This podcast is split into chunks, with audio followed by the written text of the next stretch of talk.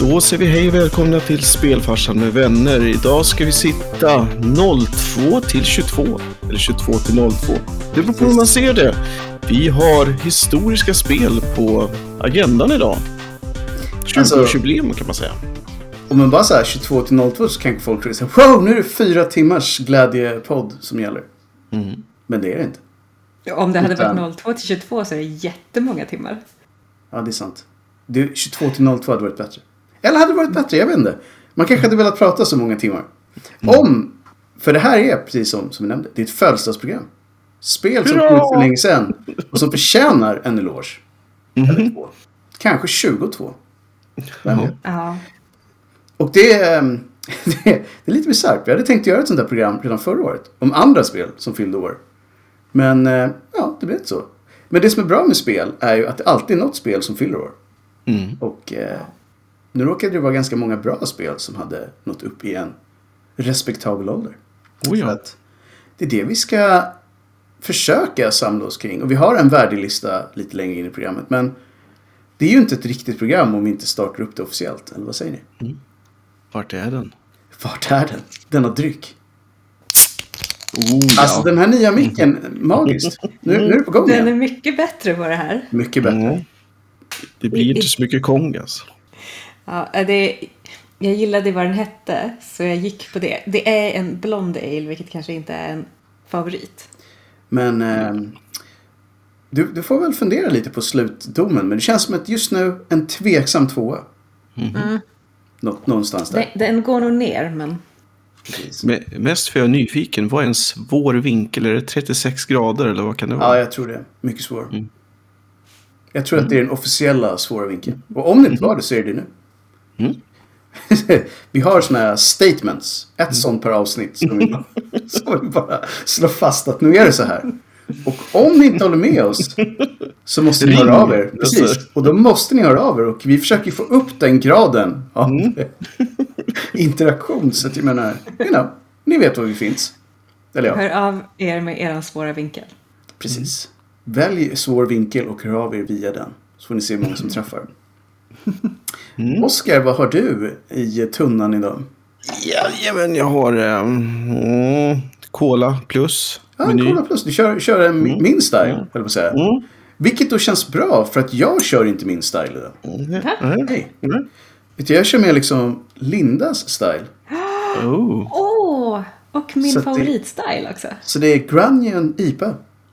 Det är den här är inte en blond, utan det är en Pale Ale. Ja, det där är en riktigt... Och jag misstänker att Linda tycker den här är godare än den du har just nu. Jag är Mm. väldigt Mm. avundsjuk just nu. Oh. Så har vi två ljud i samma avsnitt. Frågan är om det blev för mycket av det goda. Man får med skvalpant också. Goda rulla. Låter goda. Ja, Just det, rulla är egentligen en ganska konstig term för att vara i baren.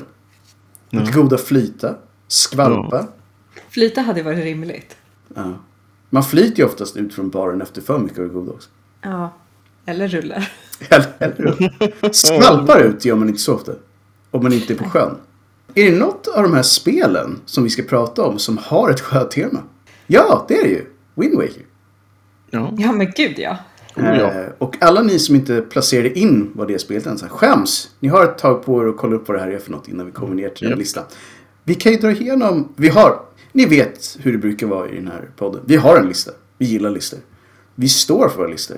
Vi är stolta över våra listor. Förhoppningsvis. Men vi har i alla fall en, så jag tänkte i vanlig ordning kanske vi bara ska gå igenom det lite snabbt. Så att ni får se vilka spel som fanns med. Sen får vi se hur många vi hinner prata om i längd. Det där lät så konstigt på svenska. Vad säger man på svenska? I, i längd låter mer som ett engelskt. ja. Djuplodande, där har vi. Mm. Vi har Warcraft 3, Metroid Fusion, Ratchet and Clank, Time Splitters 2, Medal of Honor Allied Assault, Kingdom Hearts, Legend of Zelda. Jag håller mig till att jag bara säger det. Battlefield 1942, Resident Evil Remake, eh, Elder Scrolls 3 Morrowind, Final Fantasy 11, Metroid Prime och Grand Theft Auto Vice City. Mm. Det är ett bra namn. Vice City är ett bra namn. Det är ett väldigt Mm. bra namn. Det blir Vice i helgen och tänker så wow! Nej, jag ska bara åka till stan. Device. Så, ehm, och som sagt, vi kanske inte hinner gå in stenhårt på allihopa. Så vi har valt några favoriter. Och vi har gått på personliga val. Så det är inte så att vi har viktat in det här via någon slags röstning eller någon fokusgrupp eller något annat. Space. Eh, Jag satte lite fokusgrupp för att Alltså det hade på det här kunnat... eh, jag, har de, jag har de typerna av förhoppningar på, på, ditt, på dina insatser Oskar. Att du har fokusgrupper, paneler, folk på stan. typ som jaywalking. Att man är ute och pratar med folk. Mm. Eh, Det var så Gamewalking skulle det segmentet Ja. kunna kallas. Helt enkelt. Men eh, vi säger så här. Du hade tre stycken som du brann för på den här listan. Så i vilken ordning som helst får du take it away. Like. Ja, men vi börjar väl med VC3. Eh, Så Warcraft 3. Där det var bra vill säga. Den här remaken kanske vi inte behöver prata, eller remastern, så mycket om. Men Ja, och vi kanske då... det är lite lustigt för det här spelet har alltså då kommit ut två gånger skulle man kunna säga. Mhm. Så, så först. Varav, varav en gång 2002. Och när var det det, alltså- var remaken för två år sedan? Ja, 20... Vilket 20, var det 2020 eller 2019 kanske till och med? Mm. Nej, vet inte. Så Minns det är snart dags för en remake alltså. Ja, en remake. av en remake. För att få den som Ja. man vill ha den. Nå, Ehm. Något sånt. Men bara för att nämna det kort innan vi går in på originalet. Jag för mig att remaken hade ju lite kontrovers just för att de hade släppt material som såg väldigt lovande ut först. Och sen när Mm. det väl kom ut så var det så här, men hallå, vad hände? Här, Det var inte så polerat om vi säger som folk hade hoppats på att det skulle vara. nej. Och eh, vi har ju pratat om det här spelet av och till i en massa olika program. Och det är ett spel som jag och Linda har sagt att, damn, det var inte Warcraft 2 liksom. Nej men exakt, jag var ju väldigt, väldigt sugen på det här spelet när det kom ut. Jag såg fram emot det jättemycket för att jag hade spelat Warcraft 2 så himla mycket. Men det här var för high tech för mig. jag gillar just att när man ser det nu så är det så här, hur kunde det någonsin vara? Men det var en helt annan värld. Ja, Och det var det det, det det gjorde var ju att det tog in hjältefenomenet. Det är Ja, ju det- det som det... Ett av de första spelen som hade den typen av fokus. Nästan. Mm, det var alltså Starcraft 2 senare då. Men mm. ja, det skulle jag väl säga. Alltså, Det här var ju... Mm, med tanke på också att det la grunden för eh, World of Warcraft. Så Det är ju en ganska intressant grej. Det här var ju liksom innan hela MMO-hypen eh, drog igång. det som man brukar prata om det här spelet, eh, förutom att det har haft ett av de bättre DLCs som någonsin har släppts, så just det här, eh, ska vi kalla det, modden som finns med som officiell mod från Blizzard, Mm. där man bara spelar hjältar i och med Thrall då. Mm. Det är ju faktiskt och de facto det som ledde upp till World of Warcraft. Vilket är ganska häftigt när man tänker på vilket... Alltså jag tror ganska många numera kanske har lite dålig koll på att World of Warcraft började i Warcraft-serien. Eh, på det sätt som den gjorde. Och att Warcraft 3 var någon slags... För jag kommer ihåg att det var just när det kom ut att det pratades väldigt mycket om just att det var den naturliga fortsättningen. Och att storyn fortsatte i World of Warcraft. Och, mm.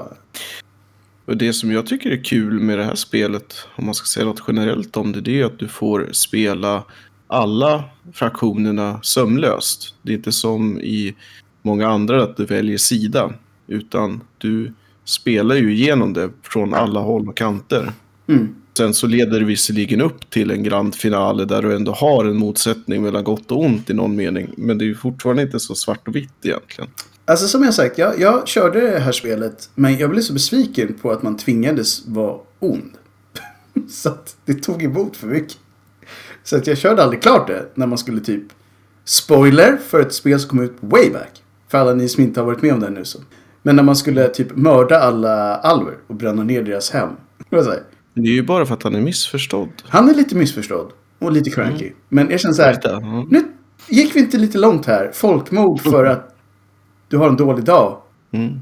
I vilket fall som helst så ska vi ju säga så att eh, det är ett spel man bör ha spelat för rent spelhistoriskt överlag. Det, det ska ju också sägas att eh, det gav ju upphov också till en eh, till Dota Mm. till exempel. Och även League i någon mening i förlängningen. Så det har ju också varit grunden till en massa andra spel som egentligen inte heller är strikt VC-kopplade. Vi borde vid något tillfälle, med, med tanke på alla listor vi gillar, att vi borde ha en lista med spel som vi anser vara stilbildande och allmänbildande i den mån man vill kalla sig för en helgjuten gamer. Jo. Den här listan är väl ganska bra också? Nej, det. det är en ganska bra lista. Men jag Delvis. tror att vi skulle vilja krydda den med några egna Ja, favoriter. En Här- här. certifierad gamer. Tre dagars Men kurs. Hugo skulle ju vara med på den listan någonstans. Det är inte ett enda Silent Hill med på den här listan. Nej, ja men det ser ju själv. Det, det finns alla möjligheter att bygga. Eh, vi, kan, vi kan kalla det avsnittet för legit bara. Mm. När det kommer senare i år. Ni hörde det här först. Och underligt ni hade hört någon annanstans. Men Warcraft 3, om man ska sy ihop den här påsen. Det är ett spel som la grunden för väldigt mycket annat. Väldigt mycket som fortfarande finns. Mycket av loren kommer från det här tredje spelet. Jag tror nästan att... Näst, alltså det... Nu får du rätt mig om jag har fel, men är det någon av loren som det pratas mycket om som kommer från de tidigare spelen? Nej, så det har ju referenser till Warcraft 2 genom he- hela grundstoryn är någonstans. Mm. Men de eh, flesta av karaktärerna är väl hämtade från Ja, trean? exakt. De flesta karaktärerna är hämtade i trean. Mm. Och det är långt. Det är många uppdrag och speciellt om man slänger på Frozen Throne så har du ju liksom... Någon, du har ju en vecka framför dig. Liksom. Om vi bara hade en vecka att köra det också. Varför har man ett liv som pockar på uppmärksamheten när det finns så mycket bra spel där ute? Det Men klart och gott, det är ett bra RTS-spel. Gillar man RTS så ska man ju spela det, speciellt om man är, gillar modern, är ett, lite modernare RTS så som till exempel om man ska jämföra med något så Command and Conquer Generals är väl en, eh, en vettig verkligen. jämförelse. Om man gillar high-tech. Och det gör man. Eller ja.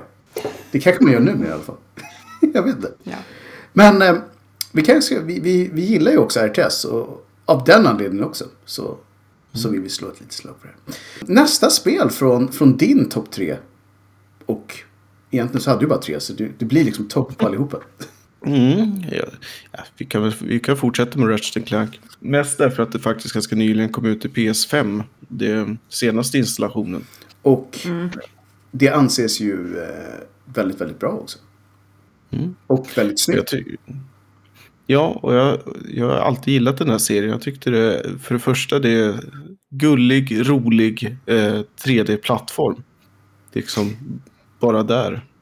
Ja, verkligen. Och det är fortfarande, tycker jag, väldigt fint. Även om man tar det som är från 2002. Även om just det här spelet nu finns ju i en eh, lite upphottad version. Det gör det. Vad är det för djur han är? Han En är en lombax. lomback. Just det. En Vilket också-. Och jag tror att han fram till det här sista spelet var den enda. Ja, alltså man trodde det. Men just nu så, i, i första så är den het. Ja, precis. Men jag tror för att det är först nu det senaste som det dök upp en annan. Det var från den här parallelldimensionen. Mm. Precis. Men det, det är ändå kul att han, har, att han heter någonting, hans art. Det finns ett namn för vad han är. Men han är ensam om vad det är. Men inte lite som eh, I am Groot. Mm, lite ja, så. men lite samma. Han är ju också den enda. Ja, Från, från Grootsen. The Groots. the, inte The Roots, utan The Groots. ja. Men eh, eh, det, tanken när de designade honom från början var väl att han skulle vara någon form av ödla, lizard. Mm. Det var lite inne med, med sånt. Ett tag. Ja, Men jag tror att de i längden tog helt rätt val. Det är bättre att ha någon halv-cutesy sak. ja men jag, jag tror det framförallt. Och sen när han träffar sin, eh, sin kompis som han då döper till Clank som är en liten robot. Japp. Och, och de är ju... han- Roboten är ju en robot, han är ju en, en liten maskin liksom. Men de är ju väldigt gulliga tillsammans. De är ju det. Och eh, det här är ju en serie som jag måste säga att jag aldrig har upplevt fram tills senare år. Och nu senast med, med det absolut senaste spelet som jag har till PS5. Men det var oftast många som man kände som körde det. Och nästan alla tyckte att de här spelen var bra. Jag tror aldrig hörde någon som bara, nej men det där var ett, dåligt spel. Eh, det enda de klagade på var ibland att de var lite korta. För att det var good ja, times. och sen tog de slut. Men visst, visst, man valde mellan det här eller vad hette det spelet också som var två stycken? Ja, ja, ja. Som också var plattformsspel. Exakt. Det finns ju ett Ja. gäng sådana också. Så att nu är det bara vi som har glömt vad de heter. Ja, Men till vårt försvar så har, de inte, så har de inte släppt något sånt spel på ett bra tag. Nej. Men Det är inte- det, jag också tycker är mysigt med det här spelet det är ju att det är, det är ett rymd... Eller, Ja, se, se, det är ett rymdspel. Det är man, ju är ju, man är ju inte i rymden, men man är ju på planeter. det är lite som Star Wars, en rymdopera precis. Äventyr där ute. Jag tycker också att det här spelet har oväntat djup. Mm. Det finns mycket skoj att plocka i sann Metroidvania är i ja, stil. Eh, speciellt att man springer runt och samlar ihop små bitar ut av en eh, mall för att kunna bygga det ultimata vapnet. Så att, eh, hej Turok! Ja, det, får man säga. Och som sagt, en serie som på alla möjliga sätt lever fortfarande. Ehm, Och jag misstänker att de dessutom kommer göra fler spel. Det här sista sålde... Inte konstigt med tanke på att det typ var ett av launch-spelen till en ny konsol. Men det sålde bra. Som jag Ska förstod. man säga något som utmärker sig är deras extravaganta vapen. Ja, och jag tror att var, även den här gången så var det så här, en, bra, en bra kollektion. Mm. Så att, eh, tummen upp. Mm. Och det, det är väl som egentligen det enda som jag tror kanske eventuellt påverkade försäljningen den här gången var att det inte är någon som har en PS5. Precis, tänkte säga det... Jag hade Ja. mitt spel i handen innan jag hade min PS5 i, i hemmet. Så det. Hur många PS5-spel hade du innan du hade konsolen? Alltså om jag ska vara helt ärlig så jag har fortfarande inte så många. Men jag hade alla mina spel till PS5 eh, som i fysiska kartonger innan jag hade PS5. Det enda spel som jag fick samtidigt var ju Astro Boy. Ja, just det, men det är ju tal man får den samtidigt. söta robotar. Ja, Yeah. gud. Sånt himla bra spel. Verkligen. Nej, annars hade jag mina, mina två spel som jag har eh, fysiskt. De hade jag definitivt innan. Men det var ju för att jag planerade så här glädjekalkylen att klart att få tag i en sån på något sätt. Så var det så här, nej, Nope. nope. Och en del har fortfarande det problemet så jag ska inte klaga. Det, det har ju gått bättre än för många. Du hade ju en till här på listan som, som jag misstänker nästan kanske är. Är, är det favoriten av de här tre? Ja, det är det. Det, det. det skulle jag vilja säga. Sen så ska jag säga så att vi, det, det beror på vilken era i livet man pratar om. Jag hade en magisk sommar med VC3 också. Så att, eh, mm. Men hur som så, Metroid Fusion, det vill säga det senaste Metroid. Ja, vi har ju inte kört ett helt program om det. Men jag får att vi pratade lite löst om att det kanske var värt ett helt program. Ja. Och Jo, även en genomspelning i något format vid något tillfälle. Mm, absolut. Så att det ska ju sägas att dock att det kom ju en eh, remake, alltså Sa- Samus Returns, jag på att säga, till... Eh, men kronologiskt sett så är det det här spelet som är precis innan Metroid Dread. Mm. Så att det är alltså Metroid 4. Hur, Så det tog eh, dem 20 år att eh, gå från Metroid 4 till Metroid 5. Men den som väntar på något gott. Och hela den. Men Yep. hur skulle du ranka spelen i, eh, alltså de som har kommit ut, i popularitet för dig själv? Alltså hur, så här, jag vet inte hur de har sålt. Jag har lite dålig koll på vilken som har sålt bäst. Eller vilken som anses av fansen vara det bästa. Men hur skulle du ranka dina topp tre i den här serien? Ja, om vi pratar officiella la- eh, releaser så skulle jag säga Super Metroid, Metroid Fusion och sen Metroid Dread. Vi, vi säger så. De, de är, det är väldigt nära. Men Metroid, Super Metroid, Metroid Fusion, Metroid Dread, eh, Zero Mission och eh, sen då eh, Samus Returns. Eh, Nintendos remake. Men om vi då plockar in inofficiella releaser så skulle jag vilja säga eh, Super Metroid, Another Two Me, Me, Metroid Remake och sen Fusion och sen Dread. Så man skulle verkligen kunna säga att senaste spelet var ett av de bästa. Absolut. Det är... eh, De har en stark trend gående just nu i alla fall. Ja, alltså. Behåller de och fortsätter och gör ett Metroid 6 någon gång så... mm, Ja. Bara det inte tar 20 år till, höll på att säga. Vi kan ju hoppas på att det inte tar 20, sek- 20 Blir år till. blir det lagom till pensionen så trillar det in. Säg ett inte så. så. Å andra sidan så ska vi ju leva galet länge så kanske det kanske inte är ens, man kanske inte ens är pensionär. Härnäst är det väl med senaste Metroid Prime som kommer bli det som folk Ja, längtar efter. så kan det nog vara. Men, Men om vi ska eh, säga någonting om det här mm. spelet så är det ju att det, det är lite annorlunda från de andra. Man eh, är ju, hur ska man säga, man är, man är ju placerad i den här äh, stora rymdstationen och man är jagad av Samus X. Det vill säga den parasitinfekterade Samus-klonen äh, eller vad vi ska kalla det för.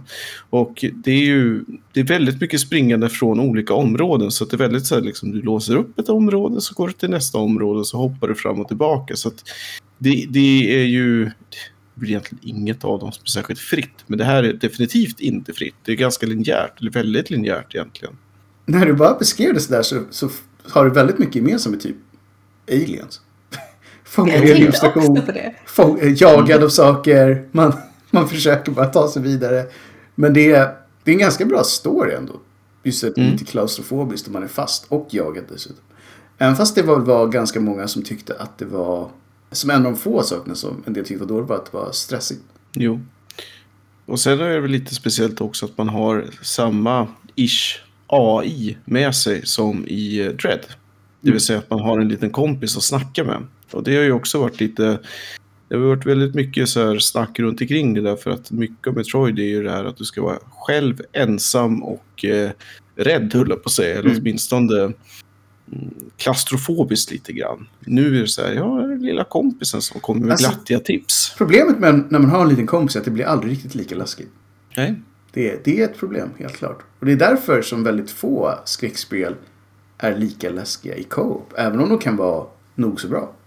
Så blir det alltid lite lättare om man kan luta sig mot sin lilla kompis och eh, säga nu eh, går vi inte in det här rummet.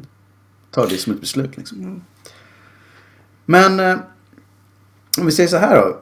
Ehm, vad... Om man, om man vill komma in i den här serien som ju nu har eh, kommit upp i jubileumsvärd ålder. Är det det första man ska ge sig på eller skulle man kunna hoppa på Fusion och få in liksom essensen av vad det handlar om?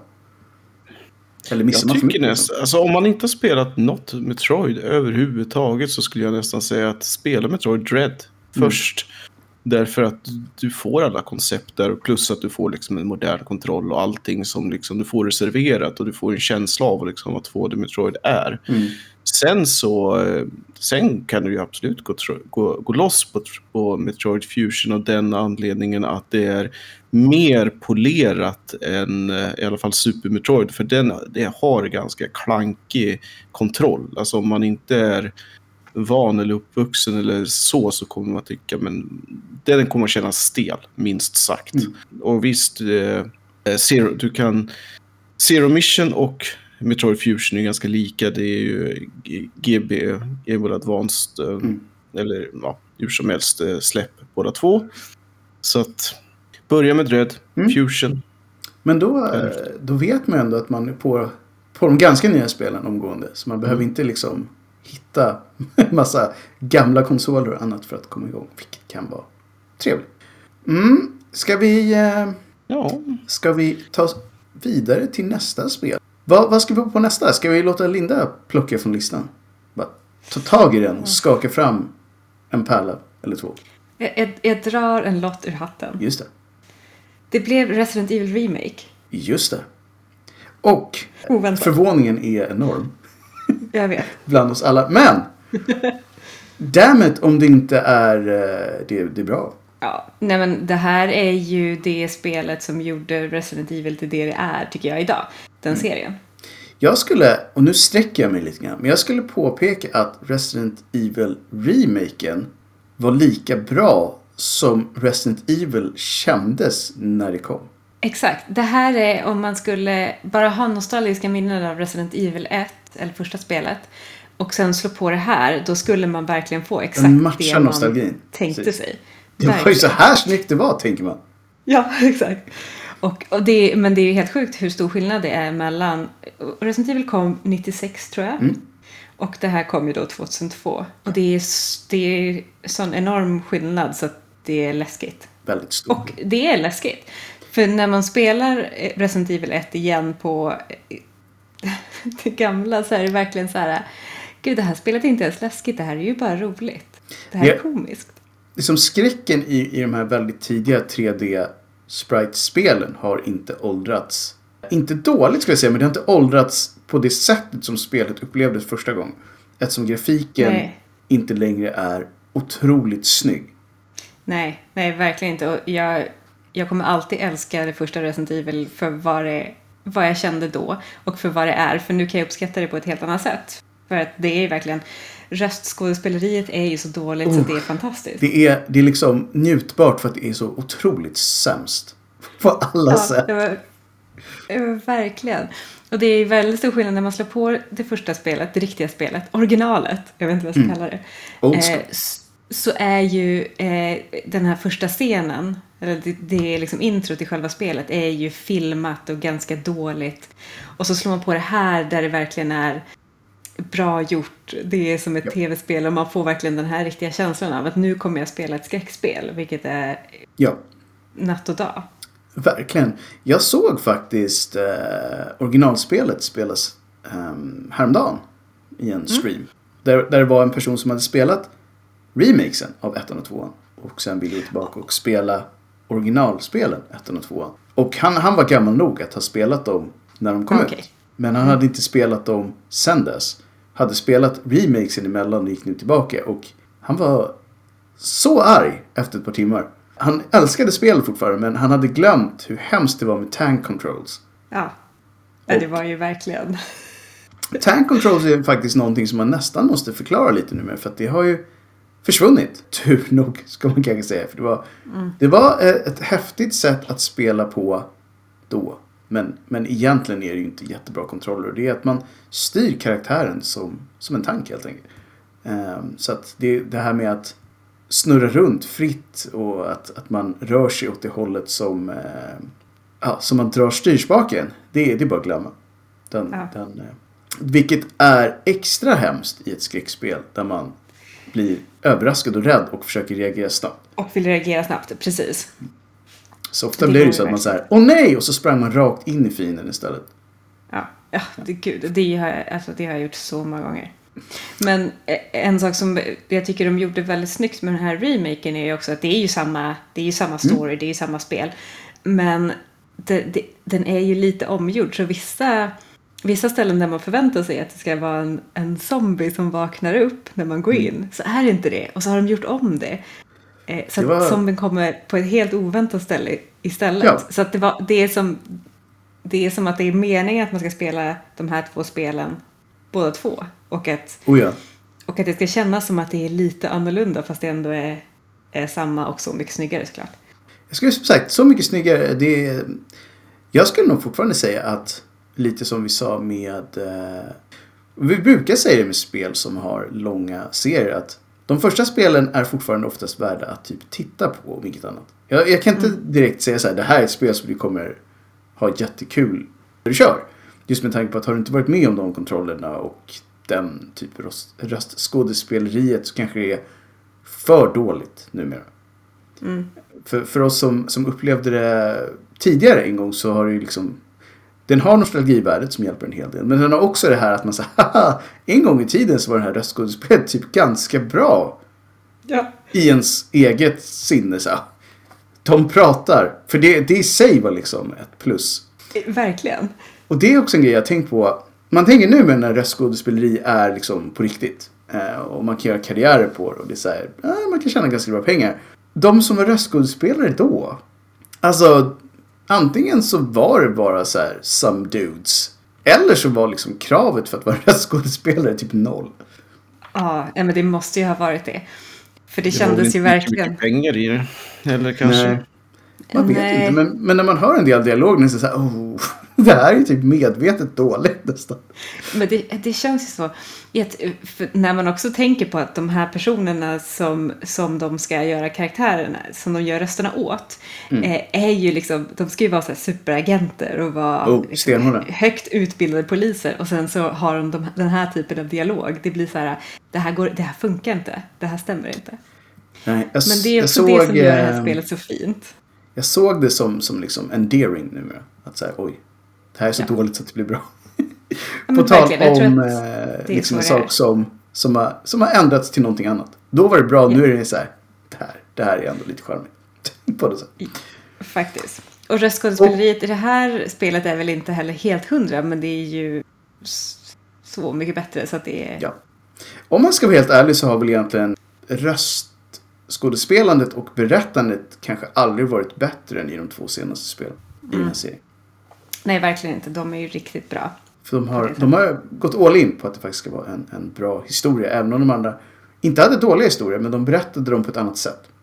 Än, än de Ja. gjorde. Det var mycket mer via pussel och saker man hittade och dokument man läste och sådär. Än eh, via att det skulle vara en, en, en, en berättelse man levde sig in i och var en del av på samma sätt. Men jag skulle säga så här, lät det här intressant så har vi ju en härlig serie om just Resident Evil.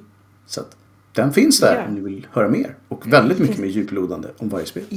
Jättemånga delar. Och Många också delar. om, om du har sett på Resident Evil Welcome to Raccoon City och undrar vem Who the hell is Lisa Trevor? Så får du svaret i det här spelet. Där, där får man det. Och kanske ett och annat svar till som vi inte ens vet vad det är för något. Så det. Ja, jag tänkte um, om vi ska gå vidare då. Vi har ju som sagt ett gäng till här, eller alla de här är ju mer eller mindre kända. Men jag tänkte Time Splitters är ju ett spel som numera nog inte är så känt, den serien. Även fast jag tror att det IP plockades upp via något av de här storköpen ganska nyligen. Så att den kan nog möjligtvis komma tillbaka.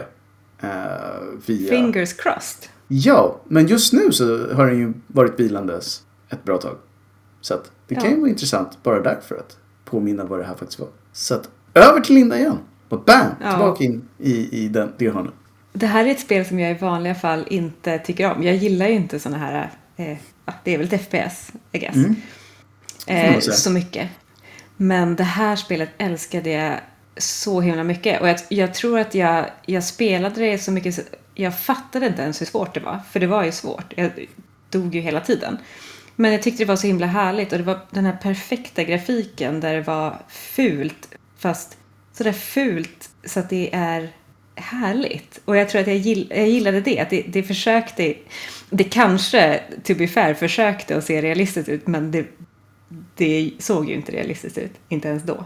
Fast det lyckades komma undan med det. Kom verkligen undan med det. Och sen tror jag att jag gillade storyn, för det var ju, storyn är ju, det är ju ett krig mellan liksom, mänskligheten och aliens. Och det är ju de här aliens då som är eh, time splitters. Och de åker runt i, eh, i tiden och placerar ut små time crystals, tror jag de kallar det för. Som det man låter vagt bekant. Ja. Ja, och det är de man ska hitta och eh, förstöra innan, innan de förstör mänskligheten. Alltså det här låter, alltså när man hör det nu så är det så här, det, det är väldigt mycket så här, inte standard sci-fi, men det, det är sånt man känner igen i en del andra som typ Stargate och Doctor Who Ja. och lite annat. Att så här, måste skydda oss från de hemska aliens som, som är där ute. Det, det går att göra bra grejer med helt enkelt. Ja men verkligen. Och det här var, det här var verkligen ett jättekul spel. Kommer du ihåg hur lång tid det tog att köra igenom det? Det tog jättelång tid för att det var jättesvårt. Men jag tror att är man duktig så tror jag inte att det är så stort faktiskt. Det är ganska många sådana här kristaller man ska hitta och man åker ju runt lite i tiden om jag minns rätt. För man åker ju till så att man är en cowboy och man, Alltså, kanske, det kanske inte var cowboy men Alltså cowboys, det, det är bra. Det är för lite sådana spel numera, höll jag på att säga. Om man inte tänker på Red Dead Redemption som kanske är det enda sånt spel. ja, så är det väl. Ja. Det var liksom, eh, det fanns ju en era där när, när vilda västern var lite inne. Och det kom ett gäng sådana spel. Sen känns det som att sen kom zombie-grejen. Och sen vampyrgrejen. Den är fortfarande här. Ja just det. Och sen har den liksom parkerats och post-apocalypse-grejen och det är väl typ det som håller på med senaste tio åren känns det. Så att eh, förr eller senare kanske vilda västern kommer tillbaka. Vem vet? Och det är kanske då Time Splitters kommer tillbaka på ett härligt sätt. Ja, det hade varit fint. Det hade varit jättekul att spela ett nytt sånt här spel och se om jag tycker att det är lika kul. Ja, eller ännu bättre. Remake. Remake hade varit perfekt. Och också, för det här spelet var ju eh, kontrollerna, det var jättejobbigt att sikta. Ännu ett av de här spelen som hade inte världens bästa kontroll. Nej, och det var så för så fort man släppte knappen, Mm. styrspaken när man försökte styra den där, då åkte, åkte, vad heter det, crosshair, Japp. åkte till mitten tillbaka igen. Så var tvungen nej. att börja om. Det kommer inte jag alls ihåg. Det, det låter ju jättehemskt. Ja, det var hemskt. Frustrationen kan bli en, en, relativt stor om man gör det misstag vid fel tillfälle. Ja, men jag var också 20 år yngre så jag tror att jag hade mer tålamod med det här. Jag vet inte om jag har haft det idag. Alltså, på sätt och vis så hade man ju, när man var mindre, så förstod man typ inte riktigt hur straffad man blev av en del spel. Nej. Man bara startade om igen och var typ lika glad även försök 35 som nummer 5 liksom. Ja. Det var så här, ja, ja, jag ska väl bara testa igen då. Ja, men nästa gång går det bra. Så att jag vet inte, någonting ändrades där. Eller så var det bara det faktum att man hade mycket, mycket mer tid. Antagligen. Så att man kunde sitta och försöka tills man klarade saker på ett helt annat sätt. Men ja, jag tycker det här, det är kul att det är med på listan. Och det förhoppningsvis kommer tillbaka i någon form. För det, de hade bra grejer på gång. Och det känns som att det har fallit i glömska lite grann. Så att till skillnad från många av de andra spelen så fortfarande på något, eh, på något sätt fortfarande lever. eh, Mer eller mindre. Om vi ska hoppa vidare då så kanske vi kan ta något spel som vi kanske inte har pratat så mycket om. Och det är Final Fantasy 11. Vad, vad vill du säga om det Oskar? Mm. Det var ju lite speciellt när det kom. Med tanke på att det var det första MMO-försöket från Squeenix håll. Kommer du ihåg hur de pitchade den grejen? För det var ju som du säger, det är liksom en, en serie som alltid levt på starka single player-upplevelser fram tills dess. Nej, egentligen inte. Jag tror att det... Mycket kom ju i eh, vågen av att det skulle liksom hela begynnelsen av MMO-genren. Men jag tror... Så jag har egentligen aldrig ens eh, minns ingenting av direkt någon eh, stark lansering eller att Nej. överhuvudtaget att det här skulle varit intresse. Det flashade förbi. För mig var det mer så här, varför i helsike ska de lägga tid på det här när man egentligen ville ha Ett nytt. eh, Final Fantasy eh, 12. Jag, jag tycker det är kul, sa att, och därför jag frågar för att det är exakt så jag minns det. Det här spelet kom från ingenstans. För mig så var det bara så här, men det här var inte det jag ville ha. De andra spelen var ju bra. Det här känns, Mm. här känns helt, helt eh, fel spår att ta med den här serien. Och det här eh, levde ju ändå kvar väldigt, väldigt länge. Mm. Så någonstans Jo. slog det ju helt rätt. Jag tror att, jag tror att man, många tyckte att, eller ansåg att det här är en japansk grej. Mm, det håller jag nog helt med om. Det, kan, det, det kändes lite som att det inte riktigt var gjort för oss på något sätt. Mm, lite så. Samtidigt också ska jag komma att säga att det kom då som en uppföljare, är ju fel ord, men direkt efter Final Fantasy 10. Så att det var ju... Men som sagt, resten är ju bara historia, så att man ska inte säga att det var ett totalt fiasko på något sätt. Nej, däremot så skulle de inte säga att de här siffrorna inte jag, men hur förhållanden i antalet spelare per världsdel förhöll sig. Hur, många, hur stort blev det i Europa eh, i förhållande till Asien och i USA? Vore intressant att veta. För jag tror att ganska många fans i Europa var nog väldigt fundersamma när här kom. Eh, Och visste inte riktigt vad man skulle göra mer. Speciellt också när, när man har spel som, som World of Warcraft till exempel. Som kanske kändes att det passade oss lite bättre på sätt och vis. Känner du någon som har faktiskt spelat det här? Nej, Inte jag heller. Vilket är eh, väldigt underligt för att, för att man eh, när man hör folk från USA, eh, streamers och folk som gillar Final Fantasy, så är det ganska många där som har spelat det. Så det var därför jag tänkte att jag tror att Europa bara var en hit and miss med det här spelet på många sätt. Medan det gick hem på ett annat sätt på andra ställen.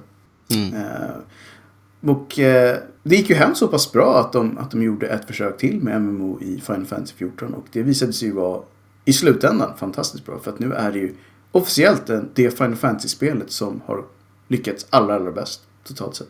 Det är väl också antagligen det MMO som har lyckats bäst rent Ja. till antalet spelare. 24 miljoner härliga duders liksom. det, Sen beror det på om man räknar Självklart. vissa mobilspel som MMO. Då är det inte ens i Självklart. närheten. det är klart att eh, respektabla siffror radar de ju upp och att de Definitivt. fortfarande är på uppgång är också rätt imponerande när man tänker på, på vad det här spelet, att det här kanske då var det som känd, gav dem eh, information om att det här är någonting vi fortsätter med. Så att man får väl ge det det. Kanske var det som gjorde att Final Fantasy 14 blev det det var nu. Det tror jag absolut. Så att, eh, mm. Vi har fortfarande en del tid så ska vi typ plocka fram det där eh, Wind Waker-spelet som vi inte ville säga. Den gamle godingen. För att jag Ja, gick ju igenom listan och då tog jag bort Wind Waker för att ni inte skulle få svaret. Men vi pratar alltså om Legend of Zelda. The Wind Waker. Ja, The Wind Och- Waker. Det är ett spel som sjukt nog jag aldrig spelade när det kom. Även fast alla tyckte att det var bra. Såg det spelas av en excentrisk, jag vet inte, också du kanske vet vem det var, men excentrisk italiensk snubbe under Awesome Games Done Quick som hade handskar på sig. Mm. Ja, jag ska egentligen inte påstå att jag känner till honom så i och med att det är, han spelar spel som jag inte direkt följer. av, Men det är en eh, intressant herre minst sagt. Ja, och att han hade handskar på sig var för att han hade spelat de här spelen så mycket så att hans handleder bokstavligt talat på att gå sönder. Så att han var Oj. tvungen att ha stärkande handskar på sig. För att kunna spela spelen ännu mer. Jag menar, kom igen. Han lider för konsten. Ja. Och han körde någon underlig variant av det här spelet just för att det tog lite kortare tid med dialogerna när det var skrivet på typ italienska eller franska. Mm, det var ju något sånt ja. Och jag vet att du, jag tror att du och jag såg eh, den här. Mm. Och att vi reagerade på att han verkade brinna för det här spelet. På, på en, Ja, uppenbarligen så mycket så han offrar li- sin hälsa för det. Så.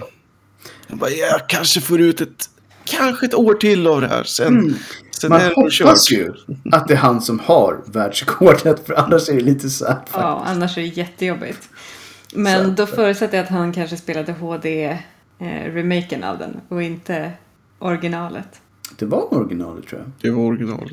Oj, det tar ju så himla lång tid att segla originalet. Ja, fast Ja, han, jag man tänker på att det här är en speedrunner. Så han hade lyckats breaka det åt alla Men det möjliga var också Ah. glitcher som inte finns Aha. i... I andra versioner av spelet var därför han hade just det här. Men vad ska vi säga om det här förutom att jag fortfarande inte har spelat det. Men Ja, det- allt jag det sett är- av det är ser fantastiskt ut. Det är, det är fantastiskt. Link är ju eh, liten. Ja. Han är ett barn. Han, han bor på en ö tillsammans med sin mormor och sin eh, syster som heter typ Ariel. Nej, jag kommer inte ihåg vad hon heter. Och han är ju coming of age. Så han är ju tillräckligt gammal nu för att bli den här eh, hjälten som han blir. Och han får sin gröna tunika. Jag tänkte säga, får han sin lilla mössa? Ja, han får det. Och, så, och sen kidnappas hans syster. Och då måste han ge sig ut med ett gäng pirater och den här då talande båten som han har för att eh, hitta sin syster och rädda henne från ja, Ganon såklart. Jag har alltid haft en känsla av att de här piraterna är rätt sköna. Jag, Mm. jag kommer ihåg, jag minns någon cutscene där de skjuter iväg honom med en katapult. Och han typ Ja. flyger rakt in i en bergssida och de står och skrattar. Ja. Det är, alltså det, är, det är väldigt fint det här spelet. Och det fick ju jätte... För jag tror att eh, de visade ju upp eh, bilder från, från det här spelet innan. När det var en helt annan typ av grafik och Link var Ja. vuxen och det var ju liksom mörkt. Och sen fick man det här spelet. Och det, det fick ju ganska mycket kritik från början för att det var för barnsligt. Och att det Typ. var en annan typ av grafik. Det var många som inte kände igen sig. Exakt, de vill inte ha det här. De trodde att nu spelar ni barnen i händerna medan det, är vi, det finns en massa vuxna fans som älskar Zelda som vill, vill spela ett vanligt Zelda-spel. Precis. Men det visar ju sig att det här var ju ett av de bästa spelen som, Och har som blivit faktiskt har kommit. Ihågkommet som ett av de bästa i serien av många.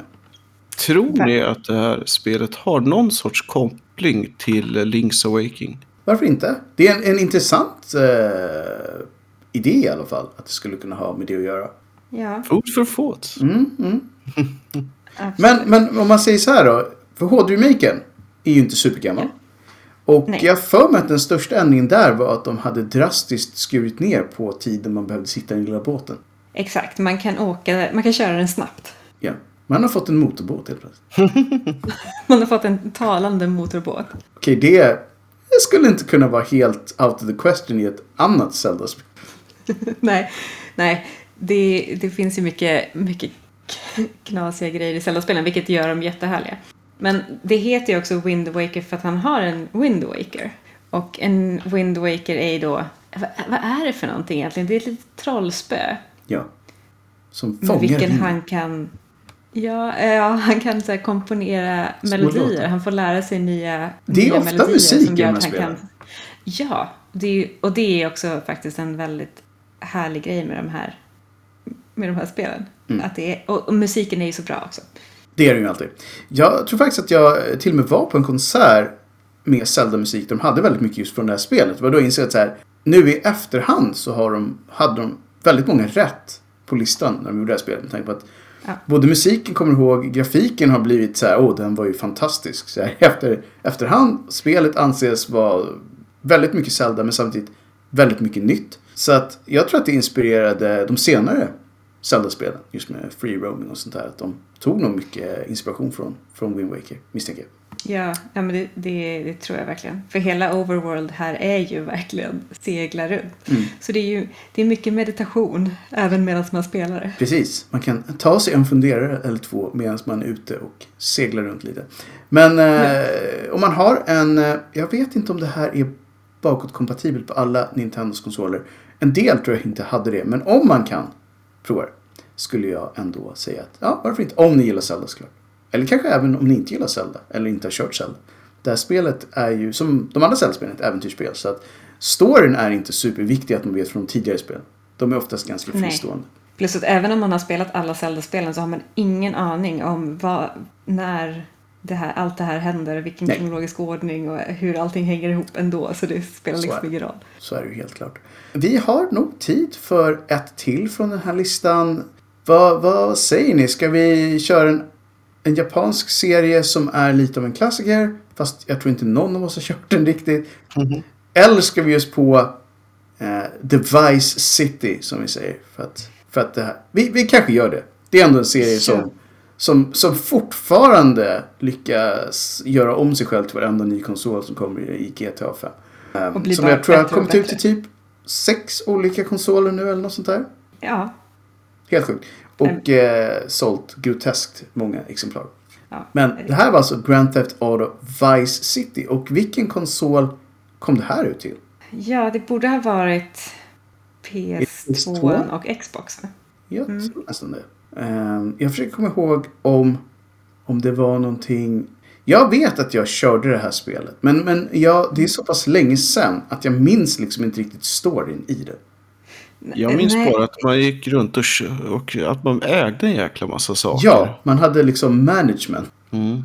Ja, men man spelar ju som eh, en gammal maffiamedlem som heter Tommy och någonting italienskt i efternamn tror jag. Varför blir man inte förvånad? Jag säga.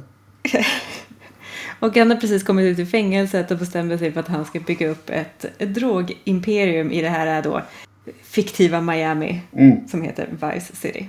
Och det är väldigt inspirerat av Miami Vice. Det finns en och annan vibb.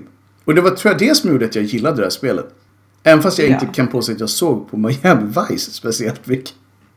Nej, men man har ju ändå en relation till det. Man har ju det. Om någon underlig anledning så vet man vad Miami Vice är. Och det osade den typen av typ snutrullementalitet. Ja. På något konstigt sätt. Och det här spelet utvecklades ju till en början som en DLC till GTA 3. Men blev ju ett, ett helt eget spel. Och det, det tog dem ett år att bygga det här spelet. Så det var ju, hade ju också sina tekniska Oh ja. difficulties när det släpptes. Och jag tror att det här är väl ett av de spelen som nu har kommit tillbaka i någon slags digital form. Precis. De släppte väl någon samling va? Jag tror det. Och den här nya som ska ersätta alla de här gamla spelen som de inte längre vill ska representera dem. För att säga, nej, nej. Det där var förr. Nu, nu ska det vara bra igen. Alternativt Ja. att vi vill sälja dem till er en gång till. Men nu ska vi inte vara cyniska. Det här, det här är för vår skull. Nej. Exakt.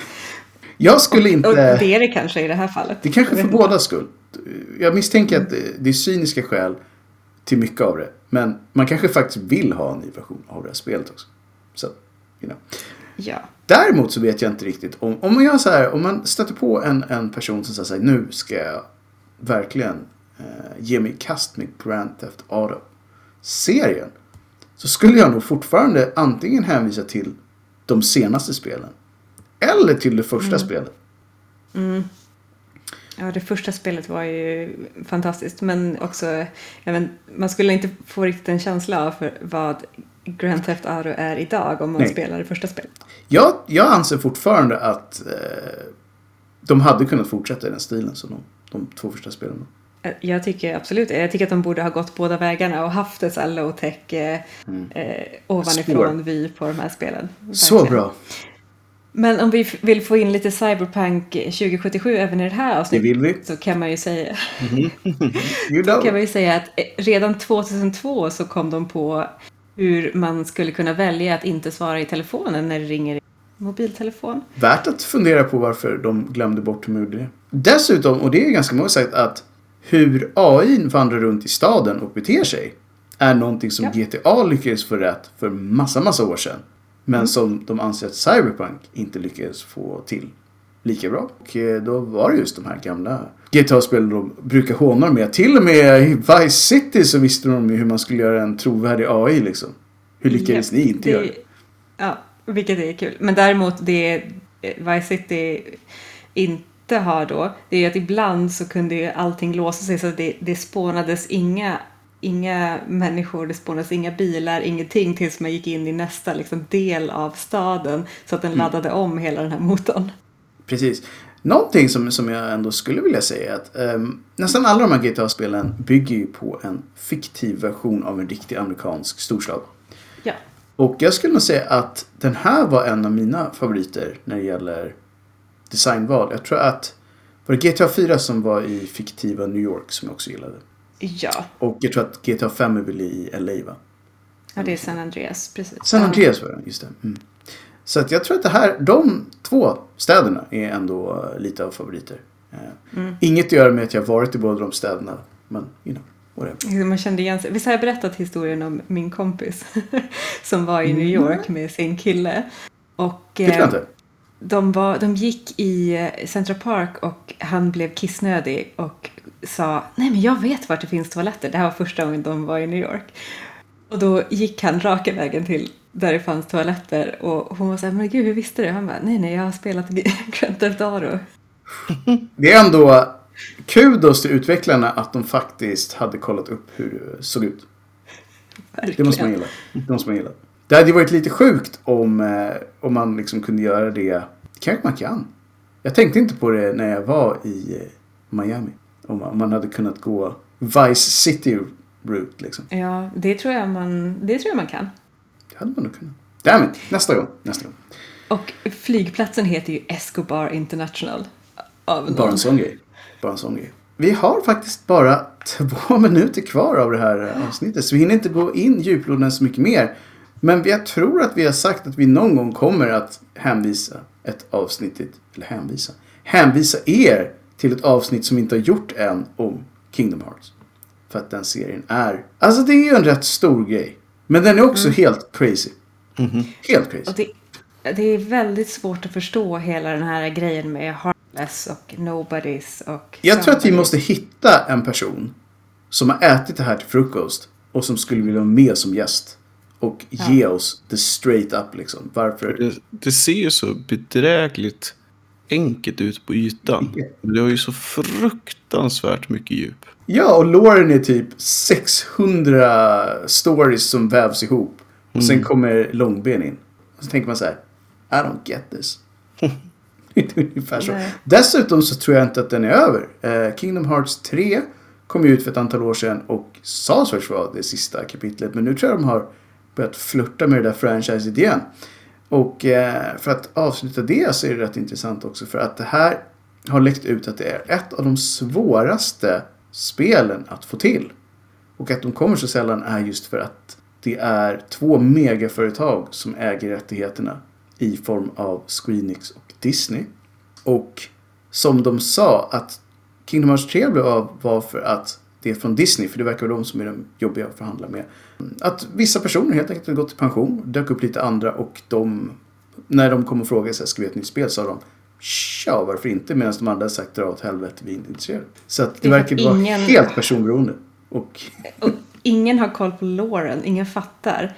Nej. Hur funkar det här? Så att, eh, nej, det vore intressant att få tag i någon som verkligen eh, kan gå på djupet och presentera det här någon gång. Men det får bli ett annat avsnitt för nu är det slut på 02 till 22. Helt Mm. Och eh, jag passar på att putta över den här tidskapseln Woo! Mm. till Oskar. Take it away. Så nu eh, börjar ju sanden att rinna ur tidsglaset. Och så tänkte jag ta tillfället och säga att eh, spela de här spelen för bövelen. Ja. Så lär ni alltid er någonting vettigt om ni inte redan har gjort det. Och Om så, vår historia. Precis. så hoppas vi på att vi eh, snart kommer tillbaka med ytterligare specialvarianter utav avsnitt med mera. Om inte annat så är vi alltid tillbaka med Pulsen på Gaming inom kort. Yes, yes. Så håll i hatten så säger vi så. Tack och hej för ikväll. Adjö. Hej då! Hej hej!